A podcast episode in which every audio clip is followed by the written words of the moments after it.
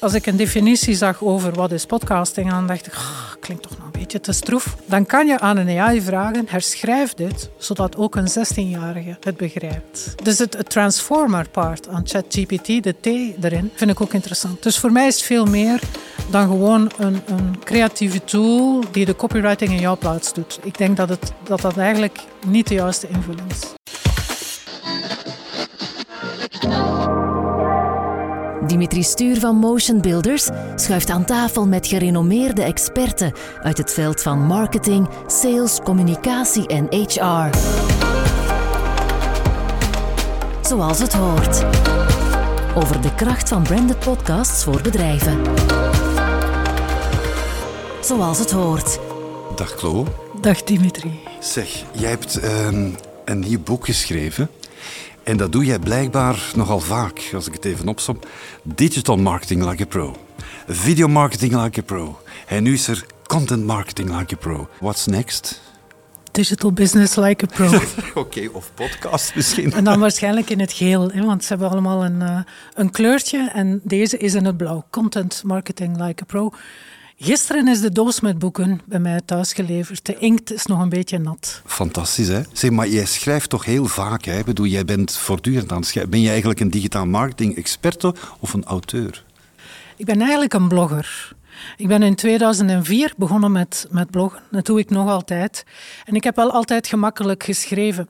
Als het gaat over boeken, wat geen evident content format is, is een beetje zoals bevallen. Uh, het wordt, uh, met elke keer dat je het doet, wordt het makkelijker. Ja, ja. Zeg, maar even toelichten. Ik ga het boek erbij nemen. Content Marketing Like a Pro. Ja, dit is bijna een opleidingsboek. Het is een handboek. Hè? Mensen zeggen mij soms, ik ga dit weekend jouw boek lezen. En dan denk ik, het is geen leesboek, geen managementboek. Het is een handboek handboek dat ook gebruikt wordt aan hogescholen en universiteiten om studenten op te leiden om in dit geval uh, content in te zetten voor marketingdoeleinden. Ja, en, en, mag ik eens even heel kritisch zijn, lieve Klo. Uh, er zijn al zoveel boeken verschenen over content marketing strategieën en zo. Wat maakt jouw boek, waarvan ik overtuigd ben, zoveel anders? Ik heb ze ook allemaal gelezen uh, en ik vond dat het tijd was. Ik vond dat heel veel van die boeken content zien als teksten. Maar door de fout van social media uh, is content heel visueel geworden. Ja. En is daar ook video bij gekomen en podcast bijvoorbeeld. En een boek dat daarop inging, daar, daar zocht ik nog naar. Je moet altijd het boek schrijven waar je zelf naar zocht en dat je niet vond. Heel mooi. Uh, podcast komt ook aan bod, denk ik, hè? als een van de hoofdstukken. Toch een eigen hoofdstuk gekregen. Meer dan één zelfs. Ja, ja. ja want het loopt eigenlijk verweven door alle andere dingen heen. Hè? Ja. Ja, um, podcast, ik raad eigenlijk af om uh, podcast als formaat te kiezen om iets te promoten. Daar is het heel slecht voor.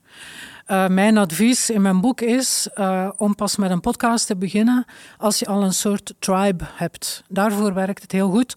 Uh, als je al een zekere fanbase hebt of een heel bekend merk bent, dan werken podcasts zeer goed. Het is ofwel dat, ofwel heel geduldig zijn en minstens twee jaar aan een stuk blijven goede podcast-episodes maken. En, en pas dan kan je dan ook een publiek opbouwen, denk ik. Dus het is wel wijs om mee te geven, het is ook hier, content marketing is een marathon, geen sprint. Het is geduldig zijn, lange termijn. Maar het is wel een heel krachtig medium, vind ik. Het is heel intiem, hè? in vergelijking met, uh, met, met webformaat bijvoorbeeld. Uh, heel intiem, je kruipt in de oorschelp van je publiek. En dan in, in tegenstelling tot social media en uh, zoekmachines, ben je niet afhankelijk van een algoritme.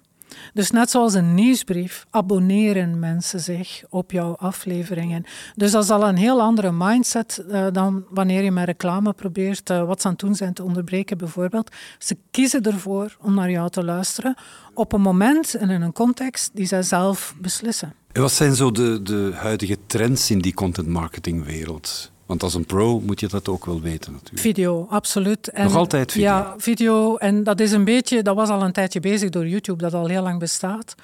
Uh, maar een van die vele breakout apps tijdens de pandemie was TikTok.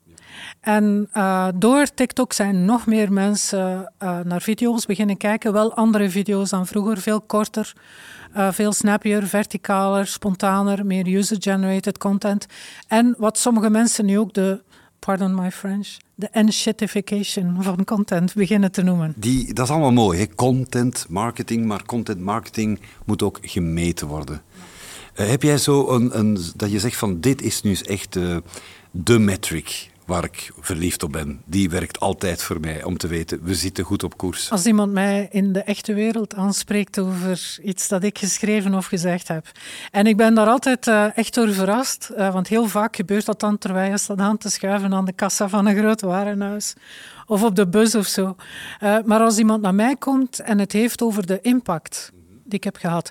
Dat zij bijvoorbeeld uh, van gedacht veranderd zijn door iets dat ik gezegd heb of geschreven heb, of dat ze iets anders zijn beginnen aanpakken. Dat is voor mij de ultieme succesmetric. Heb je een idee, Klo, of een indruk dat het hier in Vlaanderen toch nog niet zo helemaal ingeburgerd is? Er zijn heel veel content marketing agencies in Vlaanderen. En het, wat, wat, anders is, is natuurlijk dat dat vroeger heel erg uitvoerende bedrijfjes waren. Maak ons eens een slogan, schrijven ze een tekstje. Uh, terwijl ik nu merk dat zij veel meer betrokken zijn bij de strategie ervan. Wat proberen we te bereiken? Wat weten we over onze doelgroep? En dat het voor de meeste van hen ook ondertussen niet meer uitmaakt of het een video, een livestream, een podcast, een nieuwsbrief, een website is, dat vind ik heel goed. Content marketing like a pro. Daarmee zeg je eigenlijk ook kwaliteit leveren. Content, geen crappy content, want dat werkt helemaal niet. Ja en nee. Uh, het, het, het komt soms authentieker over om bepaalde foutjes te omarmen. Het is dus, je weet ook dat dat soms een beetje bewust wordt absoluut. gedaan. In de reclamewereld komt het van. Hè? Ja, ja. Ik, uh, ik doe heel graag livestreams, uh, maar je moet daar een beetje onbevreesd voor zijn, omdat er dan bloopers kunnen gebeuren. Maar ik heb bijvoorbeeld elke vrijdag een, een, een live podcast-opname die ook live gestreamd wordt op Facebook en, en YouTube en nu zelfs LinkedIn.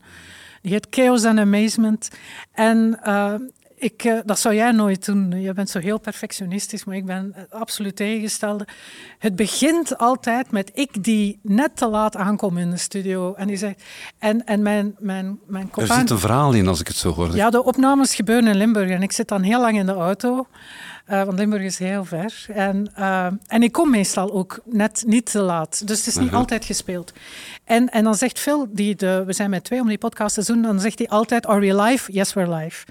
En, en daar, dat is ondertussen deel van de format geworden. Mm -hmm. Claude die, die overhaast binnenkomt en haar haar nog moet checken en zo. Ja. Uh, en dan Phil die zegt van, oh ja, we zijn live. Ja. Uh, je moet dat leren omarmen.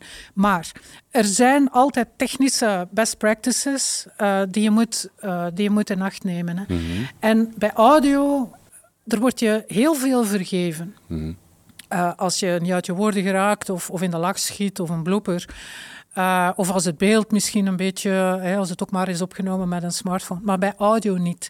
Omdat slechte audio is heel moeilijk te fixen. Ja, je hebt ook alleen maar audio natuurlijk. Hè. Met beeld kun je nog een beetje uit de voeten. Hè? Ja, um, maar, maar als de audio slecht is, uh, als, als het overstuurd is, -hmm. uh, of als er storende achtergrondgeluiden zijn, als er een foutje is gebeurd uh, met de software bijvoorbeeld. Um, het is heel lastig om te blijven luisteren als de audio slecht is, of als de wind in de micro waait. Er zijn zoveel dingen, ja. die, de, de muziek, achtergrondmuziek staat te luisteren. Dus daar moet je niet op ingeven. Ik bedoel, dan moet je echt kwaliteitsnorm aan Een goede micro ja. is echt heel veel waard. Ja. Echt waar. Je mag dus... deze micro niet meenemen straks na het gesprek. Ja, maar het is een, het is een sureguard. Ja, nee, zijn, dat is, dat is wel product placement wat je nu doet. Dus het werkt misschien toch wel in de podcastreeks. Bij podcasters heeft dit merk een hele goede reputatie. Klo, is het voor jou belangrijk dat authenticiteit aan bod komt, maar wel op een oprechte manier? Een echte professional kan het authentiek doen overkomen. Um, en dat is een techniek op zich. Het moet spontaan lijken, maar het is meestal heel goed voorbereid. En dat is eigenlijk waar de vakkennis in zit. Mm -hmm. Het spontaan laten overkomen, terwijl het toch professioneel geproduceerd is. Ja, maar dat kan niet iedereen natuurlijk, Lo. Je leert dat door het vaak te doen. En dat is ook weer typisch voor het internet. Er is, er is heel veel begrip voor... Uh, dat zie je op TikTok ook, hè, dat mensen gewoon beter worden door het te blijven doen. Op een YouTube-kanaal kan je dat heel goed zien. Als iemand al tien jaar uh, een YouTuber is en gaat kijken naar de vroegste video's, die zijn soms afreus en toch laten ze die staan, omdat het proces is ook interessant. Hoe is iemand een goede YouTuber geworden? Hoe is iemand een goede podcaster geworden? Ja. Als ik jou nu zo bezig hoor, Klo, dan heb ik de indruk dat je het allemaal een beetje van op een afstand bekijkt. Dat je heel goed zicht, een helikopterzicht hebt op die hele wereld van digital of content marketing. Zelf ben je toch ook creatief? Ik ben een contentfabriekske. Ja, ja, dat dacht zo, ik wel. Ja, ja, ja dat is zo. Ja. er komen onder meer boekjes uit om, om de enkele jaren zo. Hè? Ik ga eerlijk zijn, uh, schrijven is een zeer onaangename bezigheid. Um, omdat je dan moet gerustgelaten worden. Ja. Dus met heel veel contentproductie zo. Um, maar vroeger, mijn vorige boeken, in alle transparantie, daar doe ik drie, vier maanden over, productieproces. En aan dit boek maar drie weken. Drie weken, Klo. Wat is je geheime formule? ChatGPT. Wat zeg je me nu? ChatGPT heeft dit boek toch niet geschreven? Dit is toch Klo die het geschreven heeft? Zonder ChatGPT had het mij drie maanden gekost en nu heeft het mij drie weken gekost. Kun je het even toelichten hoe het jou geholpen heeft dan? Ja. ChatGPT kwam eind november uit. En uh, voor mij was dat een doorbraak van het niveau van de iPhone. iPhone 2007. Er is een periode voor de iPhone en een periode daarna. Dat is ook zo met contentproductie en met heel veel andere dingen. Het is een periode voor ChatGPT en een periode daarna. Het is een, een, uniek moment in de geschiedenis, een singulariteit. En ik was daar zo van, door, van mijn sokken geblazen dat ik dacht, dit feest blijft niet duren. Deze tool gaat, uh, gaat uit de lucht gehaald worden. Ik zag toen te goed om waar te zijn. Te goed om waar te zijn. Dus ik dacht, ik wil daar nu direct mee aan de slag. En daarom heb ik, ben ik dat boek beginnen schrijven. Nu, um, ik ben eerlijk gezegd begonnen met, kijk, ik heb boeken geschreven en dat was daar de inhoudstafel van. Wat zou de inhoudstafel zijn? Als je weet dat, hè, dit mijn voorbeeld, van een boek met de titel Content Marketing met die doelgroep uh, enzovoort. En, en zo, zo is een beetje, ik begrijp het, ik vergelijk het een beetje met het breien van een, een vrij complexe wintertrui. Met een kabelmotief erin en zo. Het is echt al voor gevorderden, dat is voor mijn boek is even moeilijk. En het breiwerkje werd al opgezet door ChatGPT, de eerste rij werd opgezet. En vanaf dan ging het heen en weer. Uh, jij noemt het een maatje. Uh, ja, een partner in crime. Partner in crime. Uh, Microsoft noemt deze tools Copilot. Vind ik ook interessant. Ook leuk. Copilot. Ja. maar ik, het was niet de enige tool die ik gebruikte. het ging heen en weer totdat ik happy was met de tekst. Grammarly, wat, wat, Grammarly had toen nog geen AI-tool, nu wel, Grammarly Go. ik gebruik heel veel Grammarly, hè. copywriters zullen dat ook wel kennen. En Grammarly Go kan bijvoorbeeld, als je de tekst zit uh, te laten nalezen door Grammarly, identify gaps. Dus dan gaat Go, de AI van Grammarly, zeggen: Ja, maar volgens mij wordt de tekst niet beter als je hier een voorbeeld geeft. Ja, bij wat je zegt. Onwaarschijnlijk toch. En dat gaat toch al veel verder dan vertel mij eens een mop of schrijf een verhaaltje over. Um, waar AI ook heel goed in is, en daarvoor gebruik ik het ook, is het omzetten van een tekst. Dus als ik, als ik een definitie zag over wat is podcasting, dan dacht ik, klinkt toch nog een beetje te stroef. Dan kan je aan een AI vragen, herschrijf dit, zodat ook een 16-jarige het begrijpt. Dus het, het transformer part aan ChatGPT, de T erin, uh, vind ik ook interessant. Dus voor mij is het veel meer dan gewoon een, een creatieve tool die de copywriting in jouw plaats doet. Ik denk dat, het, dat dat eigenlijk niet de juiste invulling is. Ja, want je hoort natuurlijk heel veel copywriters klagen of bang hebben, vrees hebben dat hun job eraan gaat. Geldt net voor het voorbeeld dat ik eh, kan geven in mijn wereld rond voice. Uh, bedoel, ik ken mensen die echt alleen leven van voice-over opdrachten, Klo.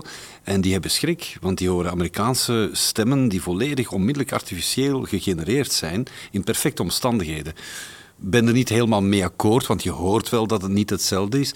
Maar ja, dit is een techniek die je niet tegenhoudt. Dan stel ik me de vraag, moeten we vrezen, want je spreekt over content marketing. Het wordt simpel, hè? één knop en je krijgt alles wat je wil. Ik geef ook les aan de hogescholen. Hè. En de skills die ik mijn studenten nu aanleer is, kijk eens naar het resultaat dat je nu ziet. Mm De opname en tekst. Is dat goed genoeg? En dat is wat ik hen wil leren. Is dit een goede tekst? Doet deze tekst wat je wilt dat die doet? Marketing bijvoorbeeld, voor mij is een video pas een videomarketing mm. als het converteert. Een tekst is pas goed in een marketingcontext als die converteert. Je wil een impact hebben met jouw content. Kijk nu eens naar wat je hebt geschreven. Is dit goed genoeg? En dat is wat ik hen leer. Goed gepland en dan ben je al half vertrokken, hè? Dat is de strategie. Hè? Ja. Uh, dat strategie is focus en een plan hebben. Dus ook weten waar je naartoe gaat en keuzes maken over, kijk, dat gaan we niet doen. Daar gaan we geen tijd in steken. En daar zit ook een hele methodologie achter, die ik ook in mijn boek uitleg. De pro is prepare, run, optimize. Dus prepare is het planning en strategie. Run is dan meer de tactieken, de kanalen die je kiest, waaronder podcasting. En optimize, uh, dat gaat dan bijvoorbeeld over toegankelijke content maken voor mensen met, uh, die bijvoorbeeld blind zijn. Uh, hoe zorg je ervoor dat je de teksten die je schrijft ook toegankelijk zijn voor een, een publiek, uh, voor een algemeen publiek? Ja. Chloe, ik ben pro voor jouw boek. Ik vind het geweldig. Content Marketing Like a Pro, uitgegeven bij Lano Campus. Dank je wel voor dit gesprek. Dank je wel om mij te vragen. Dit was Zoals het hoort. Ins en outs over zakelijk podcasten voor bedrijven. Voor externe en interne communicatie. Motion Builders. Connecting on a deeper level. Meer info op motionbuilders.be.